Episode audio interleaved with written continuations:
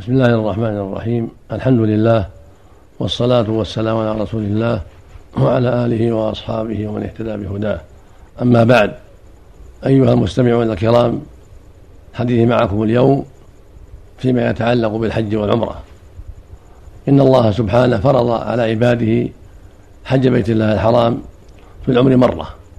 وهكذا العمرة فيها صحيح قولي العلماء تجب على المكلفين مع الاستطاعة في العمر مرة. وما زاد على ذلك فهو تطوع. قال الله جل وعلا ولله على الناس حج البيت من استطاع إليه سبيلا. وجاء في الحديث الصحيح عن النبي صلى الله عليه وسلم أنه لما ذكر لجبرائيل الإسلام وفسره له فقال أن تشهد أن لا إله إلا الله وأن محمدا رسول الله وأن تقيم الصلاة وتؤتي الزكاة وتصوم رمضان وتحج البيت وتعتمر. الحديث رواه ابن خزيمة وغيره بإسناد جيد. فهذا الحديث وما في معناه يدل على وجوب العمرة. وثبت عنه عليه الصلاة والسلام أنه قال الحج مرة فمن زاد فهو تطوع. فالعمرة كذلك تجب في العمر مرة وما زاد فهو تطوع.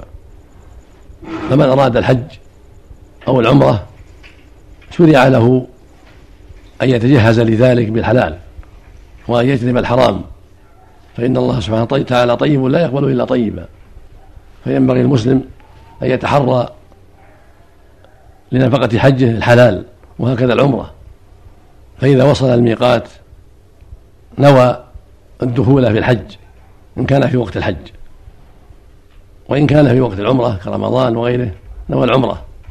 وإن أراد أن يعتمر ويحج في عامه بدأ بالعمرة. فينوي بقلبه الدخول في العمرة. ويتجرد من المخيط القميص ويكشف رأسه.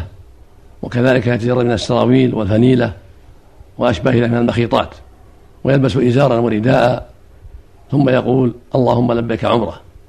سواء كان من طريق المدينة أو من طريق نجد أو غير ذلك. متى وصل الميقات؟ يقول هذا ينوي الدخول في العمرة وهي الزيارة للبيت. ويقول بعد التجرد من المخيط ولبس الإزار والرداء اللهم لبيك عمره. ويكون هذا في الميقات قبل أن يتجاوز الميقات ويستحب له الغسل. قبل الإحرام إذا تيسر ذلك والتطيب إذا تيسر ذلك فإن لم يغتسل ولم يتطيب فلا حرج عليه لأنها سنة. وإذا كان في أظفاره أو شاربه طول استحب له قص أظفاره يعني قلم يعني قلم أظفاره وقص شاربه ونتف الإبط حلق العانة إذا تيسر ذلك. وإن فعل هذا في بيته أو في الطريق قبل ذلك كفى. ثم يشتغل بالتلبية. لبيك اللهم لبيك لبيك لا شريك لك لبيك إن الحمد والنعمة لك والملك لا شريك لك. هذه تلبية النبي عليه الصلاة والسلام. يكررها حتى يأتي الكعبة. لبيك اللهم لبيك لبيك لا شريك لك لبيك إن الحمد والنعمة لك والملك لا شريك لك. يرفع بها صوته سواء كان في السيارة أو في الطائرة أو في أي أي أي مركوب. يكثر من ذلك في الطريق ويأمر بالمعروف. وينهى عن المنكر ويدعو إلى الله عز وجل ويسبح ويهلل ويكثر من الاستغفار في طريقه لكن يكون الغالب الإكثار من التلبية التي سمعت لأنها فعل النبي صلى الله عليه وسلم وتلبيته. اللهم صل عليه وسلم. فإذا وصل إلى مكة وأتى المسجد الحرام قدم يده اليمنى عند دخول المسجد وقال بسم الله والصلاة والسلام على رسول الله أعوذ بالله العظيم ووجهه الكريم وسلطانه القديم من الشيطان الرجيم. اللهم افتح لي أبواب رحمتك مثل سائر المساجد. ثم يستمر قاصدا الكعبة وهو يلبي. فإذا أتى الكعبة قصد الحجر الأسود. فاستلمه وقطع التلبية عند شروعه في الطواف. فيستلم الحجر الأسود ويكبر يقول بسم الله والله أكبر ويقبل وإن تيسر ذلك. فإن يتيسر للزحام استقبله وكبر. قال بسم الله والله أكبر أو قال الله أكبر ثم شرع في الطواف. وإن تيسر له أن يقبل الحجر الأسود ويستلمه بيده اليمنى كان أفضل. ولا يزاحم. بل هذا مع التيسير. فإن لم يتيسر ذلك فإنه يستقبله ويقول الله أكبر ويمضي في طوافه. فيطوف سبعة أشواط للعمرة.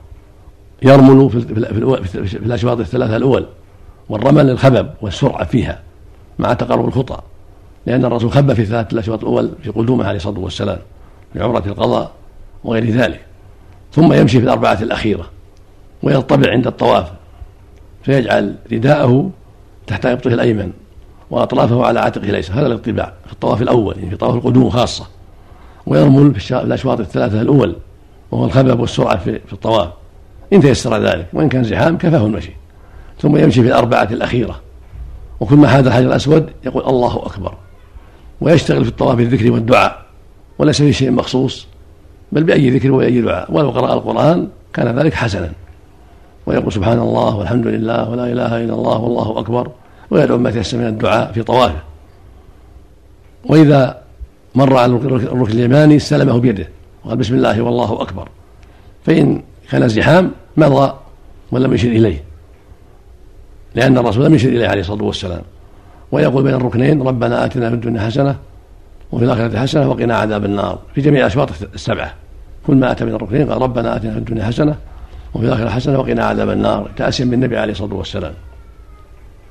وكل ما حاد الحجر الأسود يشير إليه ويكبر. إذا لم يتيسر استلامه وتقبيله. فإذا كمل الأشواط السبعة على ما ذكرنا فإنه يأتي المقام إبراهيم فيصلي ركعتين. ويقال لهما ركعة الطواف. وإن لم يتيسر في مقام إبراهيم للزحام صلى في أي مكان من المسجد. في بقية الرحبة في الأربقة لا بأس بذلك. وإن صلىها في الحرم خارج المسجد فلا بأس أيضا. الأمر في هذا فيه ساعة بحمد الله. ثم يخرج إلى الصفاء من بابه فيأتي الصفاء فيصعدها قاصدا السعي. ويقول عند صعودها إن والمروة من شعائر الله كما قرأها النبي صلى الله عليه وسلم. ثم يصعد حتى يقابل الكعبة ويستقبلها ويرفع يديه ويذكر الله ويحمده ويكبر ويدعو ثلاث مرات كما فعله النبي صلى الله عليه وسلم. يحمد الله ويكبره ويدعو ويذكر الله ثلاث مرات مع الدعاء. ومن ذلك يقول الله أكبر الله أكبر لا إله إلا الله الله أكبر الله أكبر ولله الحمد لا إله إلا الله وحده لا شريك له له الملك وله الحمد وهو على كل شيء قدير. لا إله إلا الله وحده انجز وعده ونصر عبده وهزم وهزم الأحزاب وحده ويدعو ما تيسر من الدعاء ويكرر ذلك ثلاث مرات ثم ينزل ماشيا في طريقه إلى المروة فإذا أتى بطن الوادي بين العلمين سعى شديدا يعني هرول في محل الوادي بين العلمين حتى يجاوزه ثم يمشي حتى يأتي المروة وهو في طريقه يذكر الله ويدعو ويسبح ويهلل ويستغفر. حتى يأتي المروة فيصعد عليها ويستقبل القبله ويرفع يديه ويقول مثل ما قال على الصفا سواء بسواء يذكر الله ويدعو ثلاث مرات وهو رافع يديه كما فعل على الصفا. ثم ينزل ويمشي في موضع المشي ويسعى بين الوادي ويسعى في بطن الوادي بالهرولة حتى يجوزه كما فعل حين جاء من الصفا حتى يكمل سبعة أشواط مجيئه من الصفا يعتبر شوطا ورجوعه من المروة يعتبر شوطا ثانيا وهكذا حتى يكمل السبعة. يبدأ بالصفا ويختم المروة وبهذا تمت العمرة طوافا وسعيا. فيقصر حينئذ أو يحلق. هذا ختام العمرة. يحلق رأسه كله ويقصره بالمقراض يقصر جميع الرأس. هذا هو الواجب وهو الأرجح. وبهذا تمت عمرته. طواف بالطواف والسعي والتقصير والحلق تمت عمرته الشرعية. وإذا كان هذا في في أشهر الحج بعد رمضان وهو يريد الحج يكون متمتعا بهذا بهذه العمرة يكون متمتعا. فيحج في وقت الحج. فإذا جاء وقت وقت الحج يعني يوم الثامن من التروية من تروية حينئذ يلبي بالحج وهو يوم الثامن. يلبي بالحج يقول اللهم لبيك حجا بعد الاغتسال والطيب إذا تيسر ذلك وبعد الإحرام كما تقدم. مثل ما فعل عند إحرامه بالعمرة في الميقات هكذا عند إحرامه بالحج. ومعلوم أنه بعد تقصيره في العمرة وحلقه يحل يلبس ثيابه ويتحلل يأتي أهله قد تمت عمرته. فحينئذ ما بقي عليه شيء. إن إنما هو كسائر الحلال. يعني يلبس المخيط يتطيب يغطي رأسه يأتي النساء قد تمت عمرته فإذا جاء يوم الثامن من التروية وهو وقت الإحرام من بالحج والتوجه إلى منى وعرفات حينئذ يستحب له الغسل والتطيب ويخلع يخلع المخيط ويكشف رأسه ويلبس الإزار والرداء ثم يلبي بالحج. يقول اللهم لبيك حجا من مكان من بيته. أو من منزله في في مكة أو في الحرم أو في الحل لا بأس بذلك. يحرم من أي مكان بالحج سواء كان من أهل مكة أو من الأفقيين. يلبي بالحج قائلا لبيك حجا أو اللهم لبيك حجا. ثم يكثر من التلبية لبيك اللهم لبيك لبيك لا شريك لك لبيك إن الحمد والنعمة لك والملك لا شريك لك. ثم يتوجه إلى منى ولا يحتاج إلى وداع.